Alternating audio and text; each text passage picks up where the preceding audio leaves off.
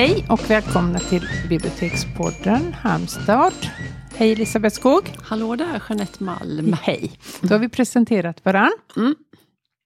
Eh, vi ska prata om en norsk författare som heter Vigdis Hjort. Eh, som går från klarhet till klarhet. Eh, jag tror att det är tre böcker som är översatta till svenska. Åtminstone Mm. är det tre böcker som vi har läst och som vi ska prata om. Mm.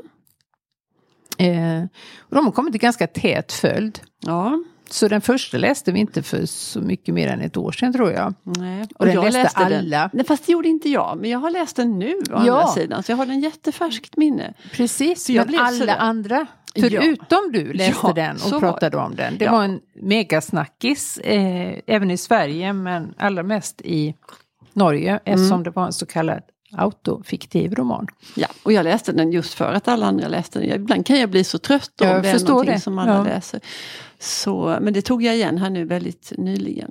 Mm. Ja, nej men det, den rev ju upp himmel och helvete där i Norge. Mm. Och det skrevs, hennes syster skrev en motbok.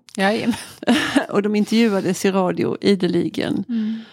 Um, ska vi säga vad den handlar om då? Ja, kanske ska säga vad den heter Ja, först. Den, den heter heter- Arv och miljö. Ja. Eh, och beskriver en arvstvist i hennes egen familj Mm. och eh, ett eh, övergrepp som har skett från pappan ja. mot Vigdis som ingen annan vill kännas vid. Och det, detta kommer upp till ytan när pappan dör. Och det visar sig att hon, för hon har ju brutit kontakten med sin familj I stort vuxen sett. ålder. Mm. I stort sett. Hon har sporadisk kontakt med väldigt, väldigt, väldigt, väldigt lite. Något lite kontakt med, den, med sin bror har hon ju. Men Just inte det. så mycket med de två systrarna. Nej, inte med mamman, Nej. pappan. Men då blir hon ju förfördelad. Kraftigt förfördelad i arvet. Och Ja. då kommer ju allt detta upp till ytan som hon Precis. Och då handlar det ju både om det handlar ju om det här övergreppet som hon har blivit utsatt för och som ingen vill prata om, tillstå eller kännas vid. Eller Nej. någonting. Och, och det här som du sa att hon blir förfördelad i arvs... För arvet handlar om två vackert belägna sommarstugor Ja. där de alltid har varit som barn. Mm. Där det var sådär idylliskt. Hytter. Ja, som ligger på något säkert vackert ställe och det är Ja. havsnära och Ja, sådär. och fjäll och hela alltet. Ja, allt är ju så vackert i Norge hela tiden. Mm. Ehm, och, då, och då vill hon ju att, nu har de ju, de är ju vuxna barnen och de har barn i sin tur och att det är en sån orättvisa då att hon Ja. och hennes bror är uteslutna från detta. Ja. Som jag förstår mycket för att, att då blir det också deras barn fråntagna. Ja, den här, det är att träffa kusinerna. Ja. Ja, att det här sammanhanget och att Mm. få ha den här gemenskapen med kusinerna och åka till det där stället, Mm. att det blir dem. Det förmenas då Mm. hennes och brorens barn. Och som sagt, och så ligger det här övergreppet och hela den sårigheten kring Ja. det. Såklart ligger ju bakom. Eh, Och hon är ju, nu är hon välkänd i Sverige också men hon, det var hon ju inte sådär Nej, hon- direkt nej. innan den här romanen. Men då debatten som skedde i Norge då. Alltså jag tyckte boken var helt fantastisk Mm. eh, oavsett om man Ja. känner till personerna eller inte. Men Mm. debatten i Norge handlar ju mycket om att liksom, vad får man skriva om och vilka, vad, vad ska man ta för hänsyn till efterlevande Mm. och så. Så Mm. att då kommer ju liksom bokens litterära, boken som verk kommer ju Mm. liksom i slag, vad heter det, skugga av liksom den där andra debatten. Det är Mm. lite tråkigt när det händer. Ja, men så händer det ju ganska ofta. Så händer det ganska ofta. Faktiskt. Mm, men jag håller med dig, jag tyckte det var otroligt, alltså, men det utmärker ju de här böckerna som, som vi har läst av henne nu, att de är så himla bra skrivna. Att man, Ja. man bara dras in i dem på en gång och så man. är man där och man vill vara där. Ja, man vill att det ska hålla precis. på. Precis, Mm. Eh, jag tänker sådär, men hur gör hon? Mm. Eh, Just för att det är den här lättheten i språket men det är ändå komplicerade saker Ja. som hon beskriver Mm. men hon får det, alltså den, Mm. jag blir så full av beundran Mm. inför författarhantverket. Ja, absolut. Eh, för det förstår man ju att kan inte finnas något svårare än att göra svåra, komplicerade, alltså åskådliggöra det. Mm, mm. Ja men den här försåtliga lättheten Ja. på något sätt, för det är ju inte något Ja, det är verkligen det är jätte, jätteskickligt gjort och det är jätteintressant. Mm. Och, ehm, ja, nej, det är jättehärligt. Ska vi gå till nästa bok nu? Mm. Eh, Henrik. Henrik är då en del i... Eh, det var så här att förlaget som jag nu glömt, det kan ha varit Nordstedt men det kan också ha varit något annat förlag så vi hoppar över den biten. Gav en dansk, en norsk och en svensk. Det låter som en Bellman-historia. Jag ska inte... Eh, nej men de fick i uppdrag då att skriva varsin roman utifrån tre Ibsen-dramer. Och Claes Östergren skrev om Hilde och eh, Merete Prytz. Vad hette hon sen? Hon hade ett dubbel efternamn. Eh, Prytz Helle. Prytz Helle. Mm. Hennes Eh, bok heter Nora. Hennes bok heter Nora. Nora är ett dockhem. Och Vigdis Hjorts bok heter Henrik. Och det är då Hedda Gabler i manlig tappning. Mm. Eh, Och de här tre är ju helt olika. Eh, och man behöver inte ha kunna en rad av Ibsen för att... Jag har läst två av dem, Östergrens och Vigdis Hjorts. Mm. Eh, och alltså, jag är helt golvad av hennes Henrik. Ja. Som jag tycker är fantastisk. Du läste den också. Jag Ja, ja. tvingade dig nästan att göra Ja, det. och det, det var jag glad för. Och Ja. Det var inte så svårt, jag var inte så Nej, motsträvig. nej då. Men ibland vill man sådär bara liksom, det här måste Ja. du göra. Ja. Jag visste liksom att du skulle. Ja, och det är precis samma sak med den som, som med arv och miljö. Att man bara på en gång så bara wow. Mm. Och så vill man, och- den här att det är så flyhänt skrivet. Ja. Eh, om man dras in i det här. Och handlingen här är ju, jag vill minnas att den börjar med att det är ett ganska nygift par som kommer hem ifrån sin bröllopsresa. Mm. De kanske är lite på resan först men ganska Ja, snart men så på väg hem. Mm. Och så möts de av hennes mammi och pappi där på, Mm. på flygplatsen. Ja, och man fattar ju på en gång att det här är ju inget lyckligt äkta. Det finns ju sådana djupa, djupa sprickor mellan Ja. de här nygifta paret. Så det Mm. gör ju ont i en och hon framställs ju som väldigt hon är väldigt ängslig och hon, söker, hon känner ju hans stigande avståndstagande Mm. och blir såklart jätteorolig av det. Hon är höggravid också. Just det.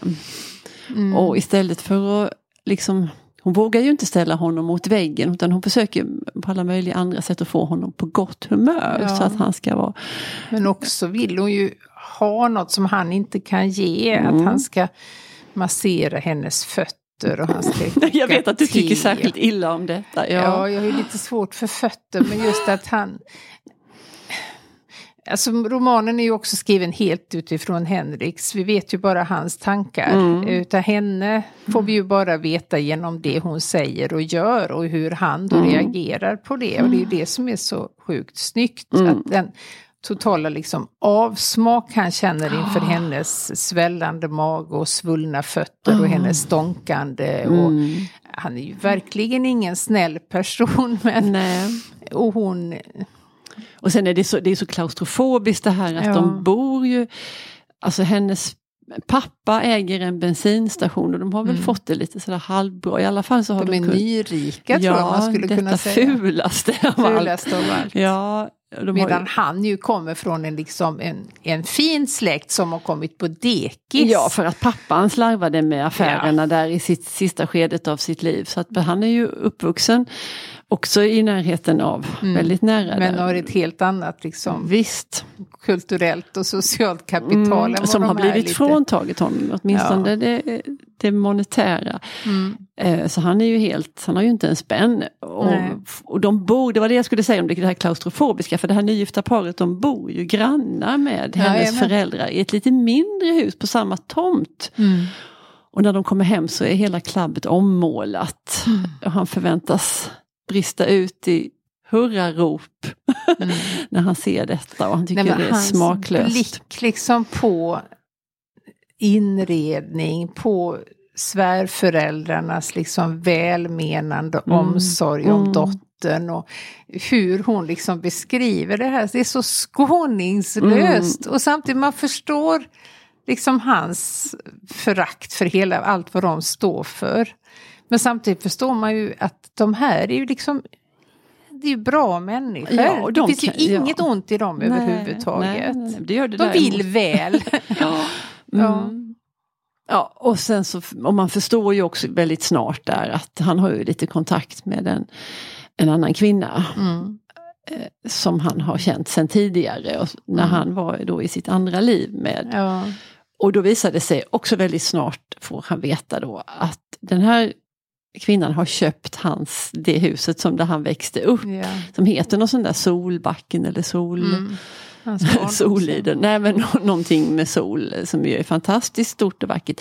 Och det har hon köpt och hon har alltid haft, hon har varit lite udda, hon har haft så här konstnärsambitioner Mm. och sådana här tendenser som inte sågs precis med några blida ögon. Hon har varit ganska utåtagerande och Mm. hållit på med droger och Ja. killar och grejer.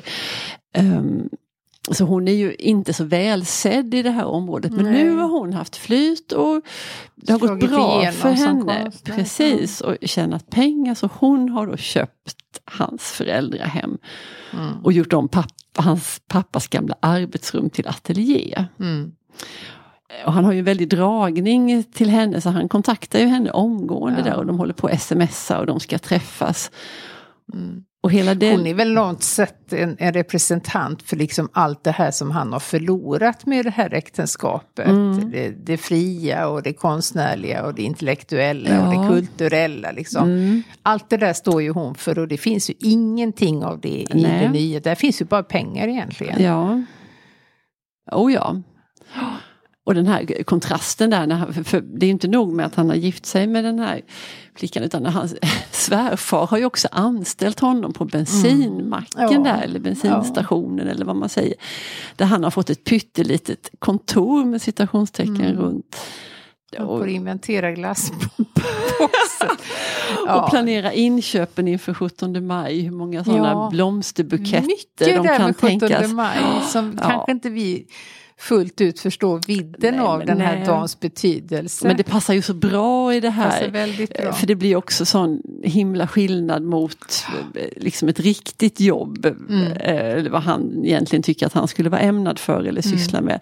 Så får han sitta här på den här sjaskiga macken och hålla på med Mm. sådana liksom fjantiga saker som Mm. blomsterbuketter och små gosedjur till Ja. den 17 maj.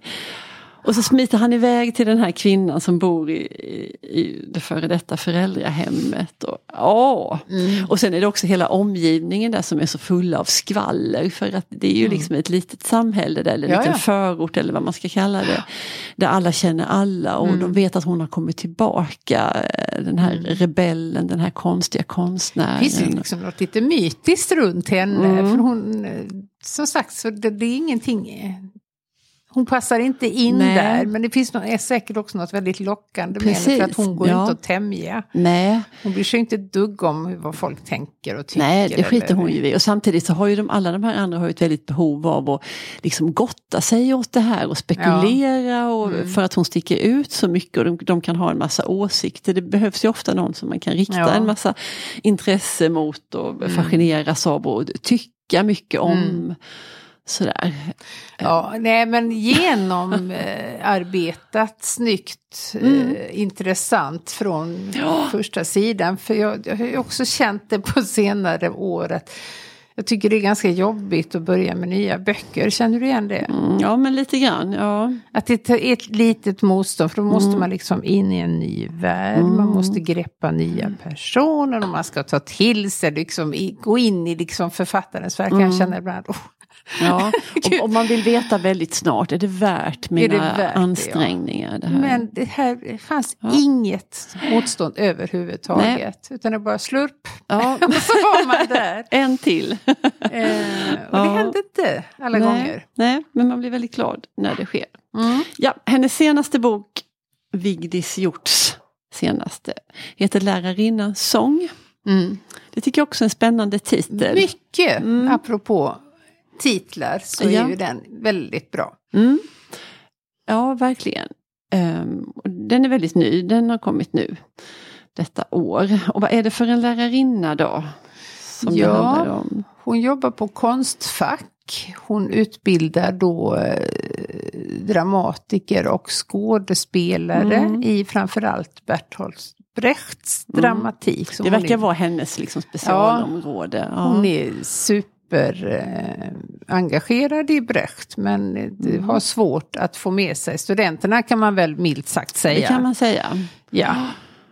Eh, och det som liksom utlöser själva liksom handlingen i den här boken det är ju när en ung student, en manlig som går någon av någon sista termins studerande och han frågar henne om han får filma henne. För han, har, han ska göra ett examensarbete och då ska han filma några olika lärare på den här, Mm. sko, den här högskolan i Oslo. Som heter någonting med sån här Ja, konsthögskola. konstakademin. Ja, konsthögskola. Ja. Skitsamma. Eh, och han vill ta reda på då hur det förhåller sig, liksom kopplingen mellan liv och pedagogik. Ja. Mm. Lever de som de lär? Ja. eh, och hon blir väldigt, ett, smickrad, två, tveksam till Ja. det här om hon ska inlåta sig med den här. Hon känner väl också att hon kan faktiskt inte tacka nej. Nej, eh, för att det- det skulle, för det sägs ju också att det är ett antal lärare. Mm. Och då är de, har de, de andra som hon får reda på utvalda har liksom en högre status än Mm. henne. Och då blir hon lite smickrad och tänker att Att hon vill vara med i det där Ja. gänget. Det övervinner i alla fall den där tveksamheten som hon också känner. Eh, ja, Tage heter han. Tage Bast. ja. Tänker på Hugo Rask. ja, det är Bast, sant. Det är sant. Ja. En liten kulturman i vardande, det är han ju sannerligen. Ja. Den här, eh, Nej, det blir ju fullkomligt förödande den här Mm. filmen för att han följer henne ju både i liv och eh, i arbetet och på fritiden. Hon är ju Mm. hängiven svampplockare och Ja. naturmänniska. Ja, hon älskar ju naturen Ja. och han följer henne. Men sen gör han ju en film som fullkomligt liksom förintar henne kan Mm. man ju säga som Mm. person. mm, jättehemskt. Jättehemskt. Eh, Och det här Jag tycker man känner- filmvisning, man förstår ju det lite grann. Att här, här, han kommer ju, men Mm. också den här scenen när själva filmen visas och hon sitter där och ser det. Tycker jag var väldigt ja. snyggt Ja. beskrivet. Ja, och, och hur det också... Ja, men för då har, där har man fått skildringen, dels hennes uppfattning om hur det gick till när han filmade. Och, Mm. sen, och man förstår också att man kan göra en film av det där och klippa ihop det och, och visa liksom Mm. en, en annan sida av händelseförloppet. Som jag tycker man känner både sympati för henne Ja och... Eller man känner mycket sympati för henne. Mycket, för även hon om- har inga onda avsikter Nej. överhuvudtaget. Utan hon vill ju bara förmedla liksom den här eh, starka patoset som hon Mm. har inför liksom teatern och Brecht och vad han vill säga och hur Ja, man det kan här det är moraliskt det. ta ståndpunkt. Ja. För det är mycket, det handlar ju ofta om det i de här... Ju inget liksom eh, alls. Nej. Det hon gör och den effekten det får, det är ju två liksom där Mm. klyftan är. Mm. Att hur studenterna uppfattar henne, hon har inte alls förstått det. Nej. Utan hon har ju bara tolkat det som att de är slöa och ointresserade. Mm. Mm. Men han klär ju av det. Ja. Mm. Eh, ja. Väldigt skickligt gjort och Mm. en superintressant bok. Mm. Sen dippade den lite på slutet tyckte Mm. vi va? Jag vet, jag, jag tappade lite av intresset där i, i eh, men som helhet tycker jag i alla fall Mm. att den är väl värd Oh ja. sina timmar och sin läsning. Mm. Mer Vigdis gjort Ja, får vi hoppas. Skynda dig och skriv Vigdis, för Ja. vi väntar på flera böcker av dig. Men för dagen så säger vi tack och hej. Tack och hej!